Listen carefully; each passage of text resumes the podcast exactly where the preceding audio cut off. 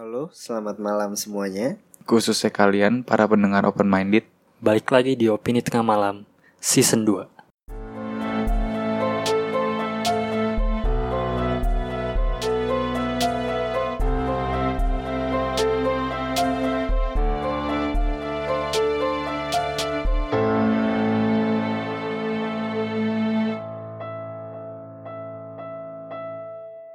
Balik lagi bareng gue Bimo di podcast Opini Tengah Malam Hari ini gue nggak berdua doang bareng Faris Tapi gue kedatangan tamu spesial yang dulunya kita pernah ngobrol bareng Yoi.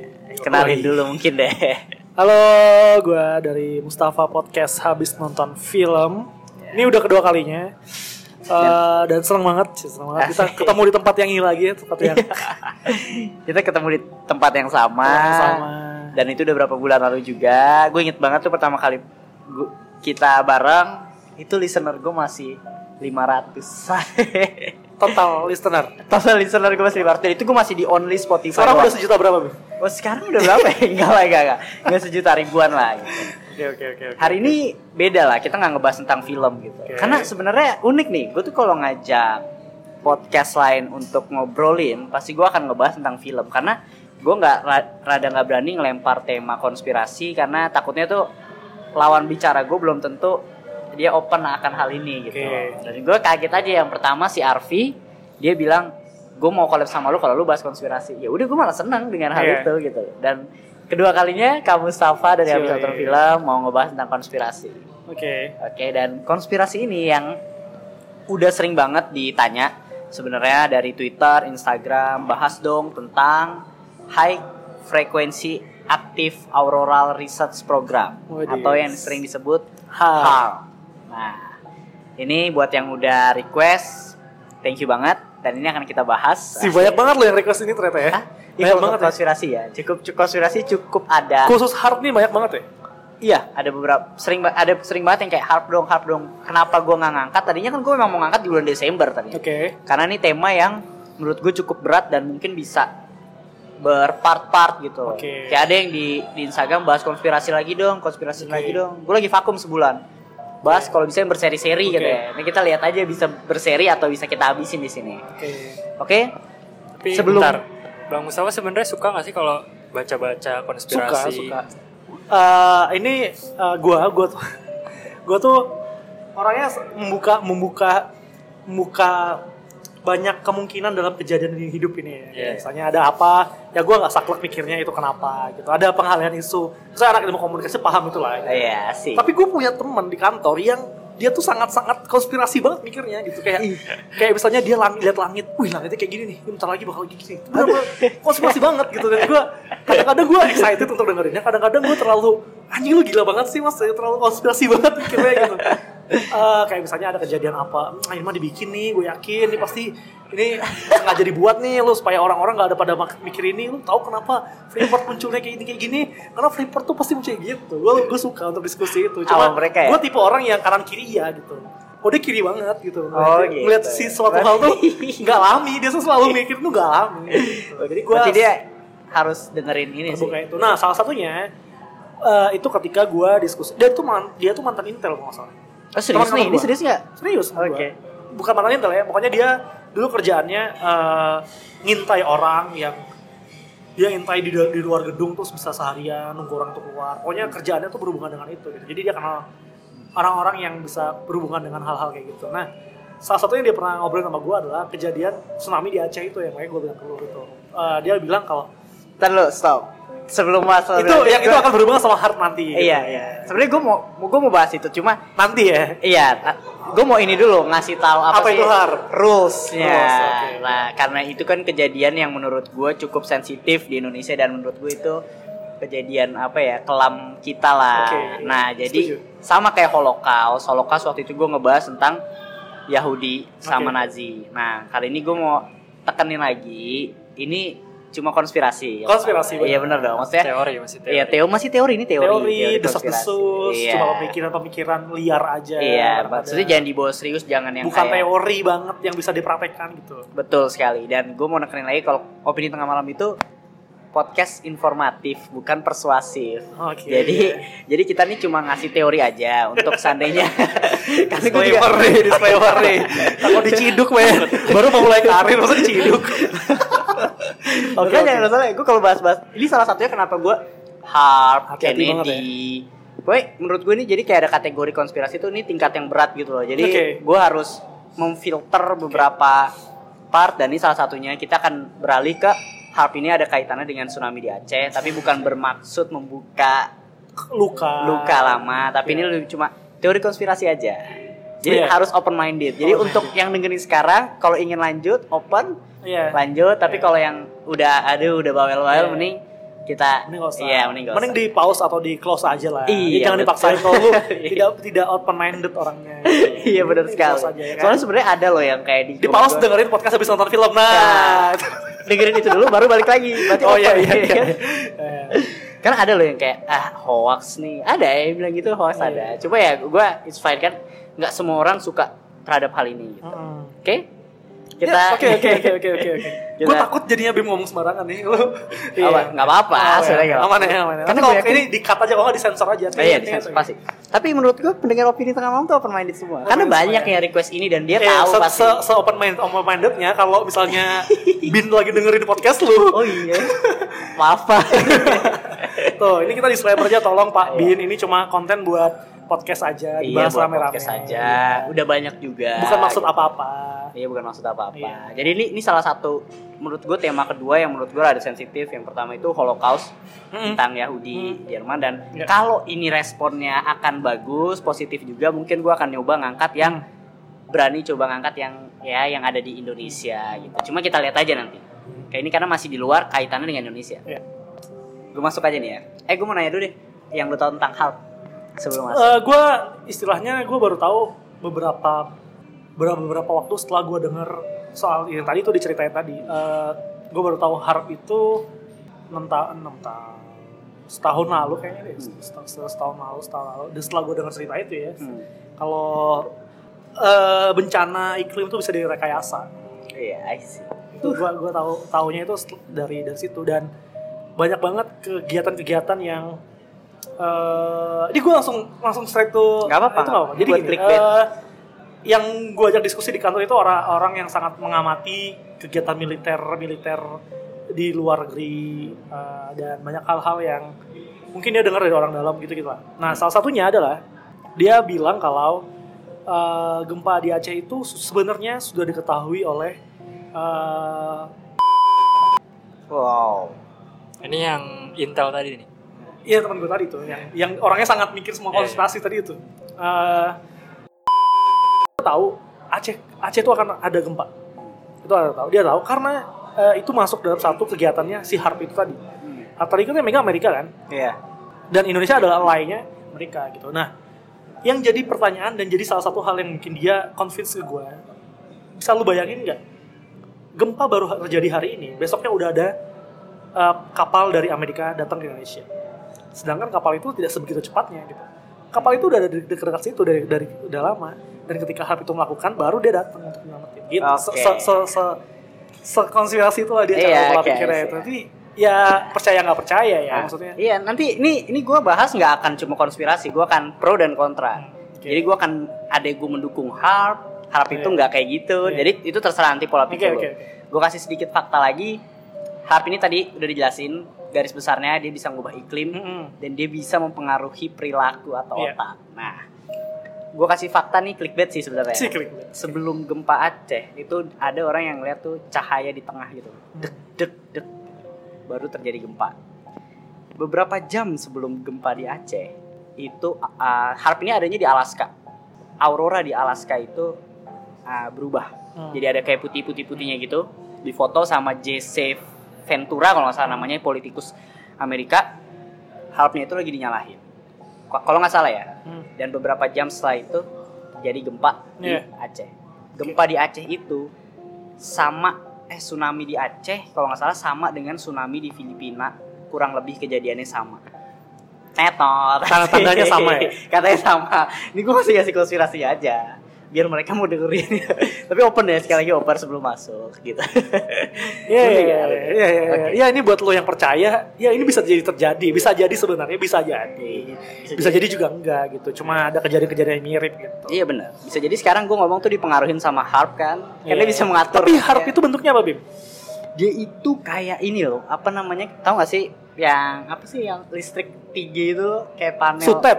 ya model-model kayak sutet gitu cuma kayak kurus gitu loh sebenarnya ini diangkat sebenarnya harp itu udah jadi konspirasi dan diangkat di beberapa film yang pertama itu yang paling terkenal Kingsman Kingsman Oke. yang pertama yang dia bisa ngubah perilaku dengan Iya. alat itu dia sebenarnya itu kalau secara garis besar dia narik si harp ini gitu ada series juga judulnya Eight kalau nggak salah Eight 8 tapi gue lupa dia dia mencari tahu tentang Oke. alat yang bisa mengubah iklim Oke. gitu, tapi gue belum nonton itu oke gue masuk aja ya Ya.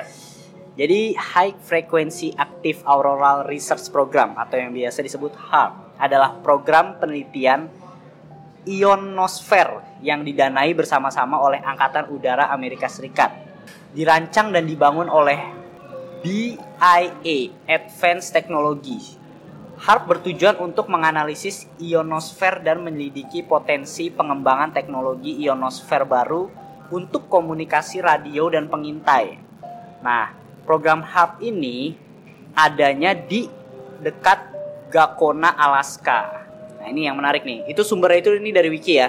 Wiki dan grid.id. Grid tulisannya G R I. GRID.id. Nah, HARP ini merupakan sebuah stasiun cuaca yang terletak di Gakona, Alaska. Apa namanya stasiun? Sta- terletak stasiun cuaca. Anjing namanya keren banget, stasiun cuaca ya. Kenapa nggak terminal cuaca atau bandara cuaca gitu? stasiun cuaca gitu di Gakona, Alaska. Di sana terdapat banyak sekali antena transmitter yang bisa menembakkan frekuensi gelombang radio baik rendah, tinggi ke atas atmosfer bumi. Fungsinya untuk mempengaruhi ionosfer dan stratosfer yang merupakan bagian penting dari atmosfer untuk membakar batu meteor agar tidak jatuh bulat-bulat ke bumi. Oke. Positif sebenarnya. Oke. HARP telah menghabiskan sekitar 250 juta dolar dalam bentuk biaya pembangunan dan operasi yang berasal dari pajak. HARP merupakan target para nih teori konspirasi. Mereka mengklaim bahwa HARP dapat memodifikasi cuaca, menonaktifkan satelit, melakukan pengendalian pikiran manusia serta digunakan sebagai senjata melawan teroris. Sejumlah teori sejumlah teori konspirasi ini menuduh program ini sebagai penyebab gempa bumi, kekeringan, badai dan banjir. Penyakit seperti sindrom perang, teluk, sindrom perang teluk, sindrom lelah kronis, jatuhnya TWA penerbangan 800 tahun 1996, hancurnya wahana antariksa Kolombia tahun 2003 dan para komentator dan ilmuwan mengatakan bahwa teori-teori konspirasi itu nggak mendasar. Oke. Dan kebanyakan teori semacam ini berada di luar kemampuan HARP dan melampaui jangkauan ilmu alam. Nah, gue baca nih. Jadi tuh gue di YouTube-nya Vice. Oke. Jadi dia bahas tentang HARP. Dia ketemu sama orang teori konspirasinya sampai buka uh, buat buku sama orang HARP-nya. Dia bilang HARP tuh bisa ngendaliin pikiran gini-gini. Dia tuh nggak se positif yang lo kira. Terus pas dia wawancara ke tempat HARP-nya, masuk ke tempat HARP-nya, dia bilang HARP tuh nggak bisa kayak gitu, gini gini gini gini. Nah terus di ngomong nih si uh, yang interviewernya, eh yang yang nge-hostnya, lo kenapa nggak coba ke HARP gini? Si teori konspirasi ini nggak mau. Dia bilang kayak, pokoknya intinya dia punya traumatik sama sama si Amerika ini kayak terlalu banyak konspirasi salah satunya orang tuanya dan lain-lain. Nah itu membuat pola pikir gue kayak, oh lu nyiptain teori konspirasi ini karena emang lu punya latar belakang yang sakit, maksud gue ya menyakitkan. Jadi lu kayak sedikit dendam gitu. Ya gue nggak tahu. Nah, gue lanjut lagi. Ah, saat ini terdapat 300 360 buah antena HARP di pusat penelitian Gokana. Satu buah antena dinyalakan akan menghasilkan daya pancar 1000 watt. Tapi jika 360 antena dihidupkan bersamaan, maka daya pancarnya sangat besar mencapai miliar miliaran watt, cukup untuk memanipulasi cuaca sebuah negara. Bisa dibayangin bila Amerika Serikat lagi jengkel sama Korea Utara, terus aduh gue gue kasih deh nih lu hujan badai. Si. Nah, Iya. Karena Iya, kita kan nggak tahu kan dengan hal itu kan. tujuan utamanya didirikan hub sebenarnya untuk mempelajari lapisan ionosfer untuk ya ion-ion yang di Iya. atmosfer itulah. Dijadikan misalnya nih untuk defense defense negaranya sendiri sih. Misalnya ada rudal, Iya. Rusia ngirim rudal radius berapa kilometer Amerika udah tahu sebelum rudal itu Sampai. sampai. Jadi dia bisa mengantisipasi. Oke. Iya bagus kan. Sebenarnya sebenarnya menurut gue tujuannya bagus-bagus aja.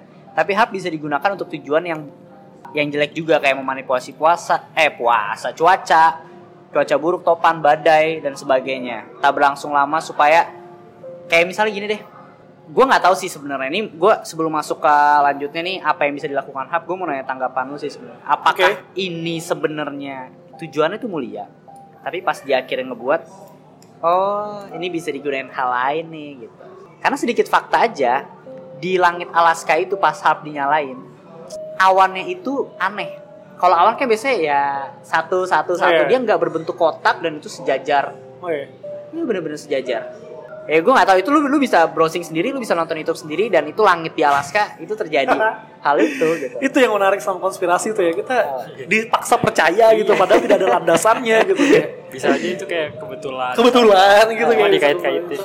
Cuma gue percaya kalau memang ada ada kekuatan yang yang eh, yang sebenarnya bisa dikendalikan manusia tapi tapi dia tidak mengakui itu kayak ya eh, kayak digital lah misalnya kayak dia bisa data data kita itu sebenarnya sekarang udah dikolek sama orang terus dia menggunakan data itu untuk menggenerate sesuatu Hmm. pola pola pikir kita kenapa kita begitu begitu seadiktif ini sama gadget dan sosial media itu menurut gue ada yang ada yang merancang gitu ada yang merancang membuat itu. Sama halnya dengan harp yang dia bisa bikin bencana segala macam eh, itu mungkin ada tapi yang belum teryakinkan oleh gue adalah bentuk harp itu kayak gimana dan eh fakta-faktanya tuh belum cukup meyakinkan. Tapi tapi cukup convincing ketika gue tapi gue juga mem- belum membuktikan sih kenapa militer-militer itu atau tanda-tanda itu tuh bisa bersamaan sama kayak di Filipina iya gitu. sih. Itu tapi yang- menurut gue gini sih. Fotonya belum gue belum lihat soalnya. Apa? Konspirasi ini muncul nggak mungkin tanpa landasan sebenarnya.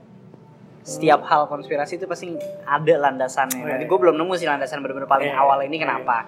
Dan yang kedua, gue nggak tahu kenapa mungkin di Indonesia orang nggak terlalu aware akan hal ini atau kayak andu lu ngapain sih bahas ini? Karena menurut gue, ah bukannya bukannya jeleknya maksud kita tuh masih berkembang gitu loh. Oke. Sebenarnya teknologi di luar sana tuh udah canggih banget, Canggih banget. gitu loh. kita yang nggak tahu kita aja nggak tahu Iya, kayak waktu zaman perang Jerman aja Jerman tuh bisa, udah bisa buat pesawat yang wow udah itu super canggih banget disebut alien kan. iya Nah, ini gue sedikit tarik mundur ke konspirasi waktu perang dunia kedua.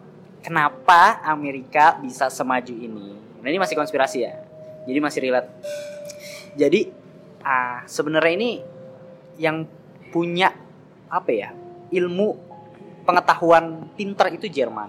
Lu bisa bayangin Jerman negara sekecil itu bisa gila banget Iya. menaklukkan semuanya. iya Dan salah satunya kenapa waktu Perang Dunia Kedua Jerman kalah, Amerika turun tangan kan. Saat itu Jerman tuh lemah, lemah banget dan dia nggak nyangka juga. Tinggal Inggris yang belum ditaklukin, dia nggak nyangka kalau seandainya koalisi Inggris Prancis ternyata dibantu sama Amerika Iya. Rusia itu mengalahkan menjatuhkan dia. Nah katanya ilmuannya Jerman ini semua ditarik ke Amerika. Itu yang membuat kenapa Amerika bisa secanggih sekarang dan negara-negara lain bisa ada sedikit tertinggal katanya. Soalnya lu bisa bayangin di zaman itu Jerman itu melakukan eksperimen yang gila banget. iya Ya kan dia selalu menciptakan eksperimen misalnya mau tentang orang ya dia gitu Iya. ke orang walaupun sampai Iya. mati. Tapi eksperimennya itu setelah setelah perang dunia kedua pas ditanya kayaknya Jerman ini pernah melakukan eksperimen tentang uh, anak kembar dan gini-gini terus ke mana? Pasti jawabannya selalu gagal. Kita nggak tahu sebenarnya dia udah menciptakan iya alien or apa makhluk metahuman dan lain-lain. Iya, oke Iya kan? semakin itu pernah sekali oke itu pernah diangkat di film Overlord. Lalu tau nggak? wow Nah itu itu tentang tentang Nazi dan lain-lain dan dia nemuin hal itu ternyata dan pas hancur semua kalah Jerman bosnya nanya di dalam ada apa gitu. Nah orangnya ini takut ditemuin di metahuman ini dia ngomong nggak ada apa-apa. Oh, Oh, dia udah bisa gue sebenarnya tuh itu sebenarnya dia mengangkat satu konspirasi di situ. Itu panjang dan mungkin gue akan bahas. Like maksud gue itu untuk relate ke ah, ini loh. Di, maksud gue gue tuh pengen lu tuh aware terhadap dunia tuh sebenarnya udah udah maju banget loh. Ya lu Iya. sekarang dari sini dari kamera aja lu bisa dilihat iya ya betul. kan Snowden film Iya, Snowden, Snowden, ya kan iya. maksud gua ya ini ini loh ini dunia tuh kayak gini lu harus bangun aja gitu nah harp ini menurut gua untuk sekarang ya gue sih masih percaya dia bisa melakukan Enggak deh, Jo. Heart tuh ada nggak menurut lo ada nggak? apa Heart tuh menurut lo ada nggak? Heart harp itu ada ada. real ada Oh, ada, oke. Bener ada tapi fungsinya ini Iya, Oh, oke. fungsinya sebenarnya yang tadi itu kan yang untuk mempelajari ionosfer ya. Iya, ionosfer, tujuannya iya, itu kan.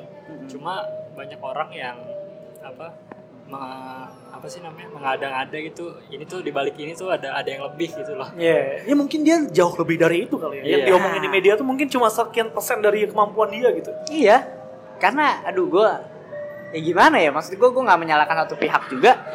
Cuma ya karena lu kalau lihat di YouTube tuh harap dinyalain tuh awannya itu beda banget. Awan-awan itu kotak. Lu bisa, lu bayangin lu bisa kalau kita di YouTube nih kita langsung ke play nih, coba lihat nih gitu ya. Iya, Soalnya iya, kita di iya. podcast ini kita udah bisa menggambarkan Pak. itu lu bisa lihat sendiri dan nanti gua gua kasih tahu cara kerja dia kenapa dia bisa menciptakan gempa bumi dan lain-lain.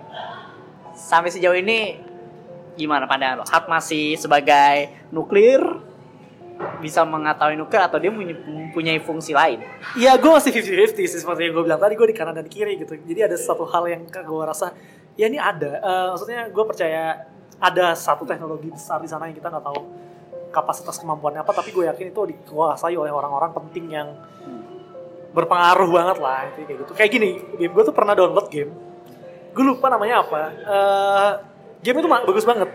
Eh, dia gamenya adalah gimana caranya lu bisa membinasakan umat manusia di dunia dengan cara menciptakan virus. I see. Oh, Oh, tahu kayaknya Apa deh gue. Gua lupa. Iya, gue tahu Plague tahu. ya, plague, Hah? plague penyakit itu kan. Iya, plek-plek apa Iya, gitu iya, namanya. gitu, iya. Cuma gambar peta gitu doang kan. Ah, ah, iya, Terus iya, iya. rasa, oh iya, jangan-jangan di dunia ini tuh penyakit diciptakan gitu. Iya. Penyakit itu Gue diciptakan. juga pernah mikir gitu sih emang. Iya Itu kan? sebuah konspirasi yang menarik sih. Iya, Maksudnya kayak kalau HIV tiba-tiba muncul di sekarang gitu. Gue Iya. kan ada yang nyiptain, men. Ya itu juga. Ebola. Iya kayak maksudnya kayak membuat uh, obat itu kan Obat-obat. dia kan untuk laku butuh ada penyakitnya Iya. kan. Ini ngomongin soal obat nih, anjir. Gue ini baru baru baru ketemu sama teman gue yang berkutat di bisnis itu kan. Dia bilang sebenarnya ini ini ini fakta yang harus kalian pahami dan akhirnya gue sadari juga. Gitu. Obat itu adalah salah satu produk yang customer itu nggak tahu harga aslinya berapa.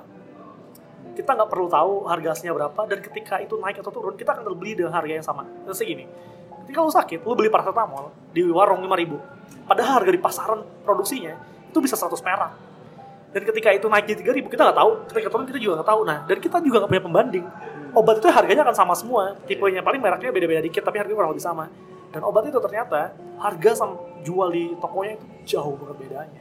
Dan itu itu industri obat tuh kayak gitu. Customer tuh nggak tahu harga pembandingnya dan betapa Hmm. betapa kita itu beda sama fashion industri fashion kan? Iya, iya. ada pembandingnya lu kalau nggak mau baju merek Bal- Balenciaga lu bisa pakai baju kaos polos apa gitulah itu Iya, iya, iya. obat kan enggak? Hmm. yang lu beli lu disuruh dokter beli obat ini lu beli dan lu nggak bisa nawar. Mas ini kan harga di aslinya kita kan nggak tahu. Nah itu. Hal-hal di balik itu nah itu tadi berhubungan sama penyakit yang dibuat tadi gitu. Apakah sebenarnya kita tuh disistemkan untuk hidup dengan obat yang diciptakan ini untuk mengobati itu I sendiri see. Kan lu- Gue pernah bahas ini juga yang masalah Jerman sih lebih tepatnya. Dia mau nyembuhin penyakit.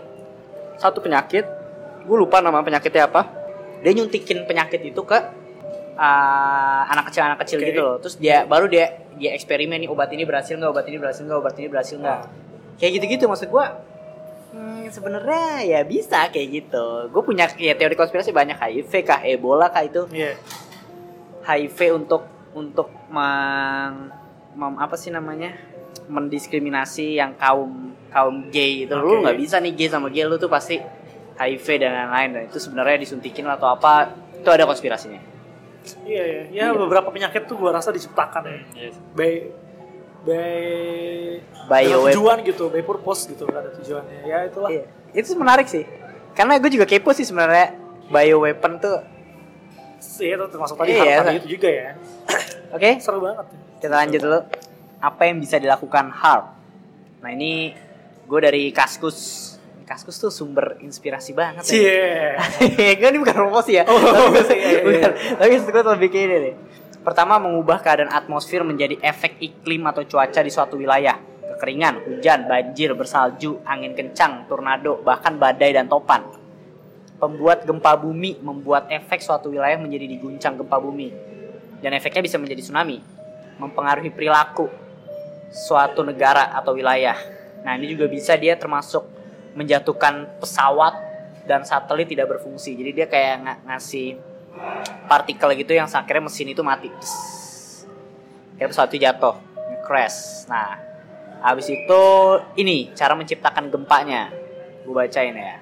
Cara menciptakan gempa adalah sama, frekuensinya tetap ditembakkan ke atmosfer. Jadi dia harp itu nembakin frekuensi ke atas, lalu memantul kembali ke bumi. Gelombang radio tersebut kemudian dapat masuk ke tanah hingga ke kerak bumi. Bahkan kekuatan gelombang harp bisa menembus mantel bumi lebih jauh dari dalam samudra. Nah, menurut gua jadi tuh gimana ya? Frekuensi jadi lu kayak nembakin frekuensi radio ke atas, ke atmosfer, mantul lagi ke bumi. Dan itu nembus ke bumi. Nah, mungkin menurut gua tadinya tujuannya baik akhirnya dia bisa "Duh, oh ini bisa loh. Gue bisa menja- me- membuat sesuatu yang lebih dari harp ini. Akibat efeknya dan cara itu maka kepadatan dan materi di dalam tanah akan terguncang. Apalagi jika wilayah itu memang terletak di patahan yang tidak stabil. Apa yang terjadi berikutnya? Gempa bumi bahkan bisa menjadi tsunami. Untuk membuktikan kebenarannya HAP dapat membuat gempa bumi. Seorang ilmuwan nih membuat simulasi sederhana yaitu dengan sebuah maket miniatur kota yang komplit dengan rumah-rumah, bebatuan, pohon, bukit dan lain-lainnya. Terus dia itu ah, taruh, menggunakan pengeras suara rendah untuk bass kayak pengeras suara di bass gitu, Oke. yaitu subwoofer yang diletakkan agak jauh dari maket kota. Terus setelah woofer itu dinyalakan, nggak ada suara yang tiada suara yang terdengar oleh manusia, hanya hanya membran sekeliling atau di pinggir subwoofer tersebut yang bergerak maju mundur dengan hebat dan akhirnya kemudian miniatur itu terjatuh. Jadi kurang lebih gue bisa jelasin kayak ada bass kayak beng beng gitu, tapi nggak ada suaranya, Oke. cuma frekuensi aja. Iya. Itu dari jauh banget miniatur. Dan itu miniaturnya jatuh gitu. Oke. Jadi kayak dia nembakin frekuensi ke miniatur. skala itu. kecilnya. Itu skala Contohnya. kecilnya. Ibaratnya apa ya? Ah, bukan cosplay sih. Kayak misalnya nih kalau harp nih kayak gini loh Iya. cara kerjanya. Itu salah satu cara kerjanya sebelum gue masuk ke bukti kasus harp. Anjing bukti kasus. Udah bisa bukti dipertanggungjawabkan kan bukti kasus. Gak tahu sih teori Oh, teori. orang Iya, sih iya. sebenarnya. Eh, Oke oke oke oke. Ya gitu oke. sih kurang lebih ca- cara kerjanya gitu. Dia nembakin frekuensi ke atas, frekuensinya mantul ke bawah sampai ke kerak bumi. Itu untuk yang terjadi gempa ya. Iya, Tapi iya. kalau untuk yang terjadi awan kurang lebih sama dia nembakin frekuensi, Masih betul, tapi iya. s- untuk skala ukuran rendah atau tingginya gue nggak tahu sampai menciptakan hujan badai dan topan. Kalau untuk ngubah pemikiran orang yang tiba-tiba dia bisa jadi agresif, bisa jadi Iya. ini, itu dia melemparkan frekuensi itu ke satu wilayah. Jadi orang tuh gimana ya otak tuh kalau kalau lu ibaratnya kalau lu ah, di samping bass nih kenceng banget deng deng deng lu kepala lu juga pusing kan sebenarnya. Oh, Oke oke. Ya, kurang lebih ini. gitu. Iya, kurang lebih kayak gitu. Dia jadi melemparkan frekuensi ke sana sampai yang lu secara nggak sadar lu lagi tidur atau apa tuh terpengaruh sebenarnya. Entah tiba-tiba lu jadi anjir gue kalau jadi kesel nih bawaannya gitu. Perilaku agresif lah lebih. Kurang lebih kayak gitu.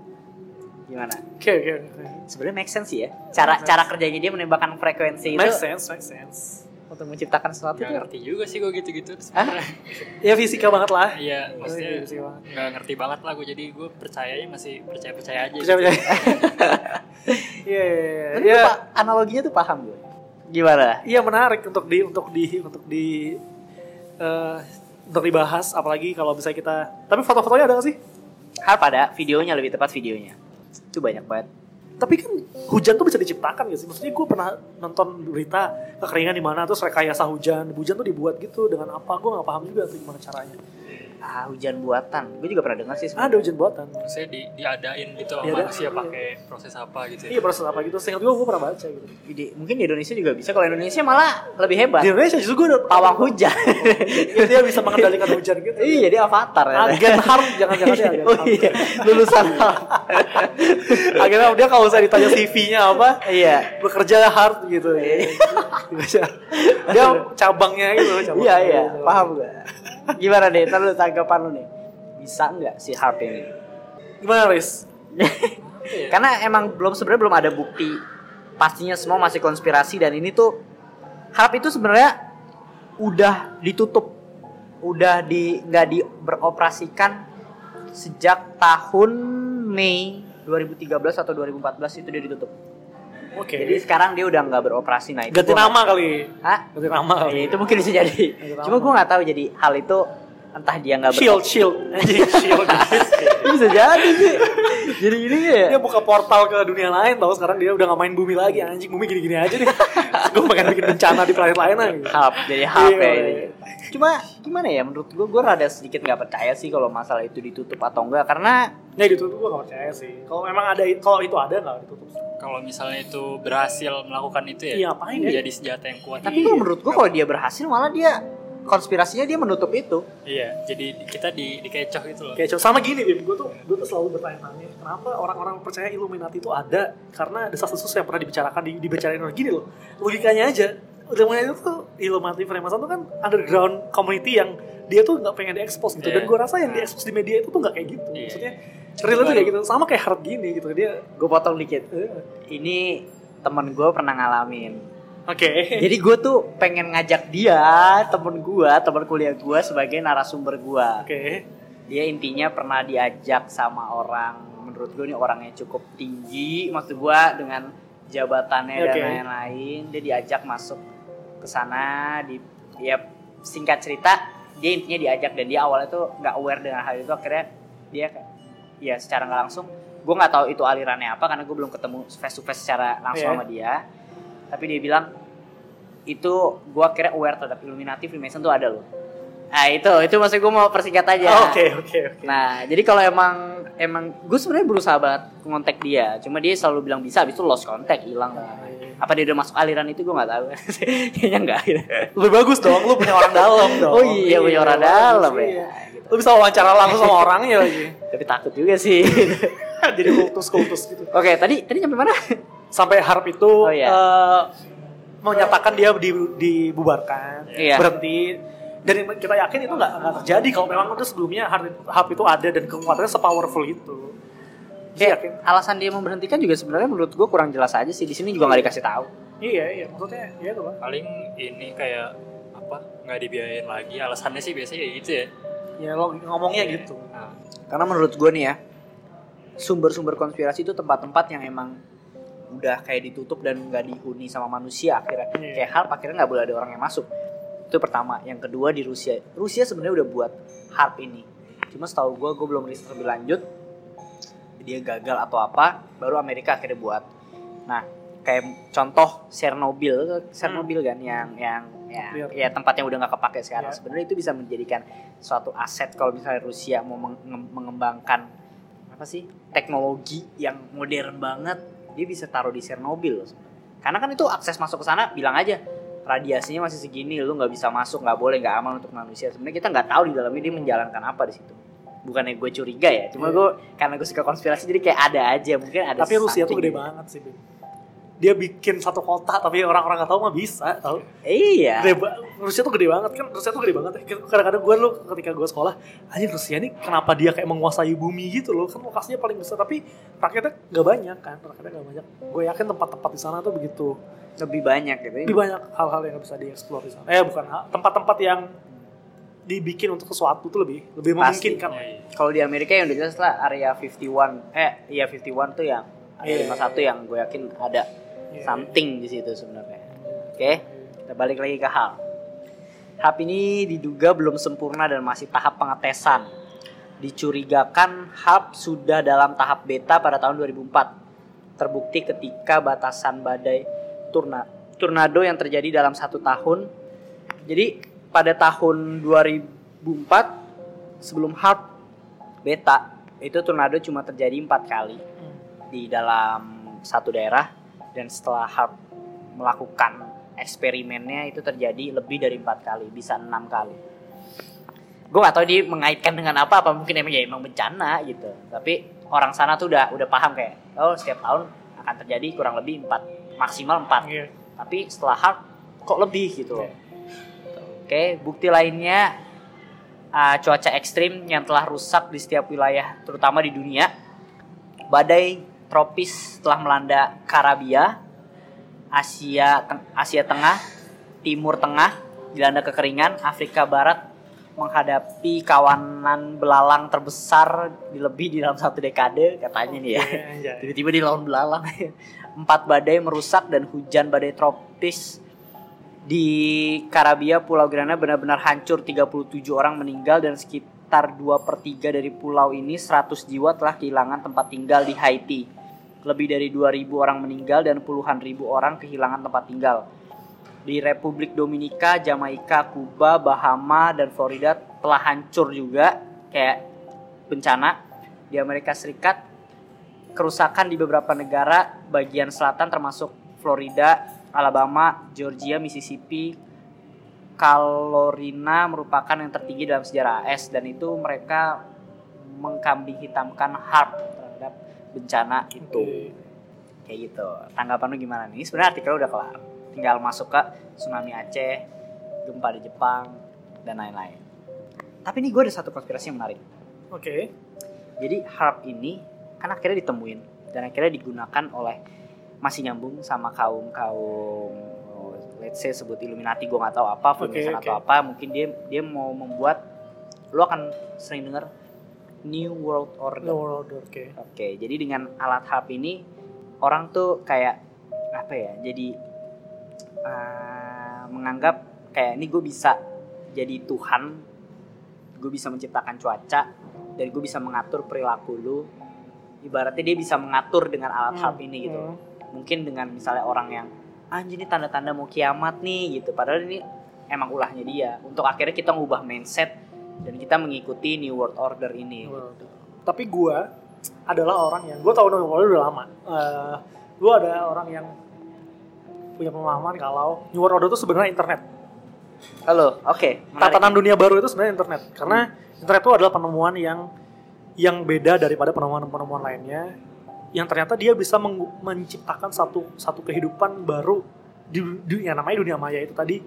Eh, dan dan orang yang menguasai itu akan bisa mengontrol apa di dalamnya gitu. Hmm. Nah, menurut gua tatanan baru itu ya ya internet gitu. Siapa yang nanti menguasai di sana dia dia bisa mengendalikan semuanya. Jadi New World Order itu menurut gua bukan physically New World Eh, Iya, orang-orang yang orang-orang kayak- berkumpul dalam satu tatanan yang baru ya, tapi bentuk yang berbeda.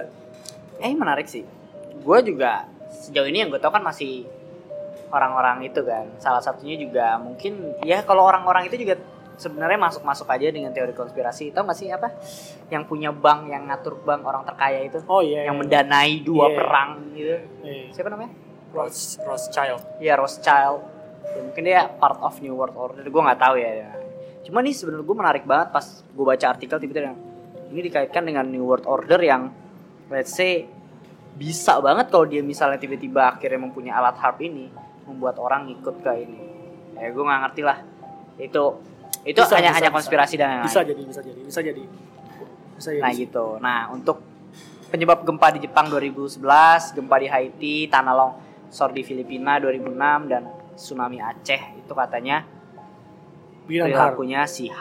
Anjay. Nah, tapi menurut lu tanggapan lu gimana nih? Mungkin Gila sih ada kalau tadi fakta menarik tentang harp Fis?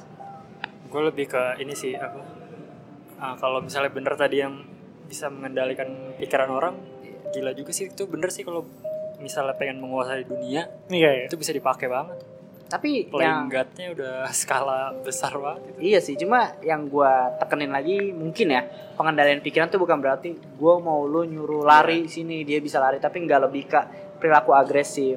Menurut gue sedikit make sense karena ya tadi kalau lu di depan bus aja nih, pala lu terus lu nyalain bass yang beng beng beng beng beng beng bass doang, pusing gak sih? Pusing bawaannya ah gitu loh kayak otak lu tuh pasti kayak ah gitu.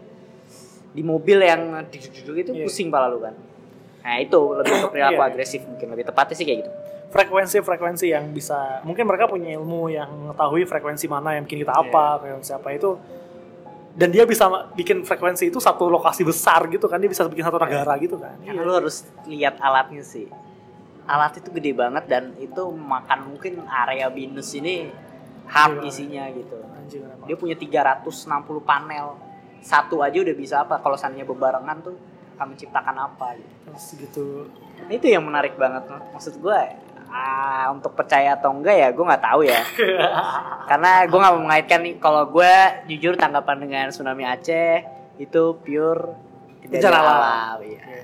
nyari aman Jadi setelah gue denger cerita temennya itu menarik sih yang intel. Iya. Soalnya Iya. kan dengan background dia yang pernah apa dia kayak dia nggak intel sih tapi dia mungkin berteman dengan itu Iya, Jadi maksud- dekat dengan itu dia tahu apa yang gua nggak tahu gitu lah. Iya, udah dia- lihat dia apa yang punya gua belum pernah lihat gitu. Jadi gue lebih Nyaris- percaya nyaris dikit. semuanya pokoknya yang ada di berita tuh selalu dia bikin wah itu mah gara-gara ada ini ini ini ini, ini dikait-kaitin anjing Tapi kalau menurut gue, gue ada satu fakta nih. Ini sedikit sedikit bertentangan sama temen lo. Tapi intinya harp yang menciptakan tsunami Aceh. ya tsunami di Aceh. Jadi tsunami di Aceh itu nggak ada yang tahu. Biasanya itu kita apa sih namanya BMKG ya. Dia dapat memprediksi hmm. terjadi gempa atau misalnya apalagi gempa skala besar tuh pasti akan terdetek. Tapi saat itu tuh nggak terdetek sama sekali. Nah jadi kayak tiba-tiba aja. Nah dan ada satu katanya sih gue baca tuh ada sebelum dia terjadi gempa tuh ada cahaya di tengah terus airnya surut ke sana semua aurora di Harp Alaska itu berubah ya. entah gue nggak tahu dia menyalakan harp atau apa dan mas make sense ke cerita temen lo uh, kapal Amerika itu Iya. datang gitu Iya. tapi untuk Indonesia tahu atau enggak itu gue kalau gue sih pendapat gue Indonesia nggak tahu Amerika doang yang tahu tiba-tiba dia mengirim bantuan aja dah kayak gitu kalau tanggapan gue sih gitu oke. ini relate sama temen lu tuh relate sebenarnya yang pas dia tiba-tiba datang karena nggak mungkin kan wih jauh juga nih kan Iya, Amerika Amerika tiba gitu. datang ya, se- secepat itu. Kayak dia dia punya pangkalan gitu katanya sih gitu itu. Dia punya pangkalan yang ketika udah terjadi dia langsung datang gitu, secepat itu. Bisa juga sih. Se, se mengerikan itu ya. tapi gimana percaya Semua Jogja katanya juga gitu loh. Pada Jogja ke mana akhirnya jadi semua harp apa apa bencana harp Arab gitu, iya. Ini ngingetin ini tau kayak Los Pollos Hermanos. Oh Jadi apa tuh depan yang di Breaking Bad yang oh iya iya iya depannya uh, apa toko fast Toko- food gitu toko, kan. iya. Tapi dibaliknya ternyata lebih dalam gitu. Jualan. Dia ada ada niat niat selain jual makanan gitu loh. Naro, naro apa? Mat. Iya. Ini Dagang karena- narkoba.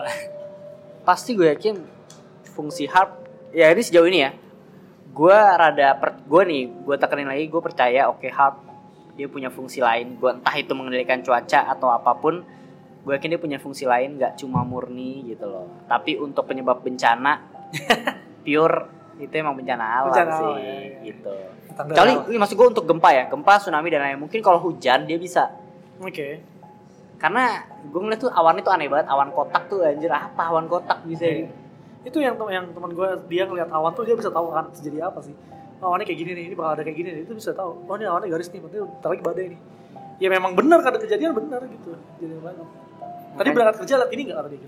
Asik. Jadi se seorangnya segitu banget. ya gue jadi kepo ini siapa sih gitu. Ada orangnya udah tua, tapi dia dulu ya tuh pengalamannya dekat-dekat dengan kayak kayak gitu lah. Gue punya buku yang gini gini gini. gini. gue sampai beli jujur gue beli buku konspirasi loh Oke. gue gue aja Kayak gitu. tapi oke ini udah selesai materinya udah selesai harp kayaknya nggak perlu gue panjang part 2 part Nanti 3. kalau ketemu informasi kan ini kan akan Iya, iya publish terus ada yang Iya. komen terus dia punya fakta lain. Iya. Terus lu nanti siapa tahu ada eh, dulu pegawai harp. pegawai harp. Gila nih. Tapi emang emang ini sih uh, harp itu temanya banyak banget. Gue akuin banyak banget dan ini gue bener-bener karena sedikit cerita kamu Mustafa tiba-tiba mau bahas konspirasi itu dua hari gue research balik kerja gue research balik kerja gue research jadi emang gue gue pangkas abis banyak gitu dan gue ambil inti-intinya sih Iya. iya. cuma mungkin kalau emang masih pengen tahu atau fakta lain dan tiba-tiba menarik ya mungkin gue akan coba buat part 2 nya lagi gitu ini udah lama gue nggak buat konspirasi dan Cih. kita buat konspirasi lagi bareng kamu Mustafa. Nah biasa nih opini tengah malam nih sebelum menutup podcast ini mau nanya tentang lu percaya nggak sih harp itu ada atau enggak atau fungsi lainnya? Gue sih percaya harp itu ada dan mampu melakukan hal-hal yang di luar nalar kita. Tapi untuk kejadian-kejadian yang disebutkan, lu sebutkan tadi, gue belum belum tuh percaya itu mereka penyebabnya. Gitu. ini ini karena mau main aman Di tengah-tengah, gitu, karena karena kan gue cuma dan gue cuma denger gue mau merasa itu masuk akal iya penjelasan penjelasan itu masuk akal iya tapi gue tidak teryakinkan gitu oh itu tuh beneran ada tapi ya beneran diciptakan oleh itu gitu. karena gue ngerasa ah, itu mah karena kebetulan tentara apa Iya, saya iya. kayak Iya. kapal Amerika lagi ada di sana gitu Cuma lagi lewat kan Oh, nggak ada yang lewat tahu. gitu. mencoba dicocok-cocokkan aja gitu Emang konspirasi itu cocok logi. cocok logi Gimana Is? Kalau gue sih mungkin yang buat kayak gempa, bencana-bencana sama mengendalikan pikiran kayaknya belum deh kayaknya. Oh, mungkin suatu, Oh, suatu iya, saat iya. nanti One day, one day. mungkin pasti bisa sih. Hmm. Sekarang mungkin lagi lagi ini lagi lagi proyek nih underground. Nah, Itu dia iya. ditutup, tapi dia punya proyek lain lagi buat itu. ngembangin. Kalau gue pribadi gue sama sih, nggak jauh beda sama kamu Mustafa. Tapi kalau untuk dibilang bisa cuaca dan lain, gue masih gue sih jujur percaya karena ya tadi gue bilang dunia tuh udah canggih banget gitu, udah canggih banget. Kita tuh ketinggalan menurut gue. Mungkin di sana udah ya let's say zaman dulu mana ada sih orang yang kayak percaya eh gue bisa teleponan dari Iya itu benar. dari dari si dari Indonesia ke Amerika cuma dengan by phone alat alat kotak yang bisa ngobrol. Kan nggak ada yang tahu kan kayak gitu kan. Alat itu ditemuin wih gila canggih banget gitu. Dan sekarang udah menurut gua kondisi sana udah udah gila banget gitu kan mungkin perangnya juga ada cyber dan lain-lain dan kita kita nggak tahu akan hal Iya, itu ya. mungkin kita tuh lagi dalam perang tapi kita nggak tahu tuh lagi perang. Iya sih. Nah, iya maksud gua kita tuh cuma negara berkembang dan dikelilingi oleh Tadi coba-coba doang lah. iya, kayak gitu yang gue takut Iya, karena emang coba-coba. gue yakin yang akan tahu semua hal itu superpower semua ya, Rusia, Amerika, Cina. China, Jepang. Gitu. Itu semua negara-negara yang ini banget sih. Kita kita lihat aja. Gue yakin nggak nggak akan kebongkar sih untuk hal ini akan Tapi kalau misalnya nanti tiba-tiba ada bencana, empati lu hidupkan aja. Maksudnya buat yang Iya. dengerin ya. Iya, iya, benar, benar, benar. semata-mata langsung menyalahkan, ah ini mah gara-gara apa enggak. Lu harus Negara punya empati juga. Amerika gitu sih cuma Iya. buat petisi atau apa Iya, jangan. Lu harus punya empati juga. Terus jangan tiba-tiba mencocok-cocokkan, wah ini mah gara-gara mau pemilu terus ah, ah enggak lah. Ya, bener sih, karena gue gue tekanin lagi harp itu menjadi konspirasi teori nggak mendasar, nggak mendasar dalam arti itu bukti validnya itu nggak bisa di Iya. Tidak bisa dipertanggungjawabkan. ih, nggak bisa dipertanggungjawabkan. Jadi buat kalian yang dengar, buat ini ya sebagai cerita, eh gue punya teori konspirasi loh. Iya, Ya, ini buat selentingan-selentingan obrolan aja. Ada Iya. yang pernah cerita ini, ada yang pernah ketemu ini. Betul banget. Gitu sih. Untuk teori harp mungkin gue selesaikan di sini dan ini jadi konspirasi kedua opini tengah malam podcast bareng Bintang tamu. bintang tamu benar gitu. Nah sebelum gue tutup thank you banget untuk kamu Mustafa untuk mampir-mampir bahas konspirasi di opini tengah malam. Yoi. nah mungkin bisa di follow gimana? Instagram Twitter adanya? At habis nonton film dua-duanya, Instagram dan Twitter. Udah itu aja sih. oke jadi untuk yang suka film ke podcast habis nonton film. Dan buat kalian yang denger sampai sekarang konspirasi ada tema menarik apa bisa komen di Twitter atau Instagram. Cuma ya kalau bisa jangan sensi- sensitif lah gitu Takut, sensitif, kita takut. apa Kita takut. Ini gue takutnya tiba-tiba ada DM masuk atau apa kan? Iya sih, serem juga sih lu nih bahasan-bahasan tapi menarik. Sebenarnya menarik. Menggugah pikiran gitu kan. Mungkin Iya. nanti kalau seandainya udah terus orang mulai open akan hal-hal ini, gue mungkin Iya, coba iya. sedikit-sedikit. Iya. Tapi tetap gue filter gitu. Karena kita nggak tahu ini jejak digital tuh nggak bakal hilang gitu. Oke. Iya setuju setuju setuju. Oke. Ini yang gue omongin tadi bisa jadi eh, tidak sadar ya gue Iya. claim myself ini ke dia ujung Kita ini. juga ini kita bertiga kayak apa pengaruh harp ini. pengaruh iya. hub ini jangan-jangan kita dipengaruhin terus. Kan kita nggak ada yang bisa tahu. Amerika lagi denger dari phone kita. Iya, iya kan lu HP lu bohong internet kan? Eh, iya. Wah jangan-jangan lagi didengar sama CIA sana nih. Iya. Ini gue gue kasih tau fakta uniknya ya. Mungkin kalau lu yang belum tahu ya, lu yang belum tahu lu bisa nyoba ini di rumah. Lu nyalain Instagram lu, nggak lu close tab. Lu nyalain Instagram, lu back biasa aja. Terus lu ngobrol sama temen lu. Misalnya, eh gue mau beli sepatu deh, sepatu boot, bla bla bla bla bla bla bla, jarak 30 menit sejam lu buka Instagram lu, lu swipe story lu yang muncul itu ads tentang boots Iya. percaya nggak percaya karena gue pernah melakukan ini tapi gue Facebook taruh tengah HP matiin kita akhirnya kita lupa kalau kita naruh Facebook belum di close gitu kita ngomong eh kita lima tahun ke depan reuni gimana Iya. ya gini gini gini pas kita buka Facebooknya ah tempat reuni murah Oh, iya? gue sih kayak "Wah, gila gila kita udah di mata-mata ini udah udah gak bener nih udah gak bener ini gitu Iya.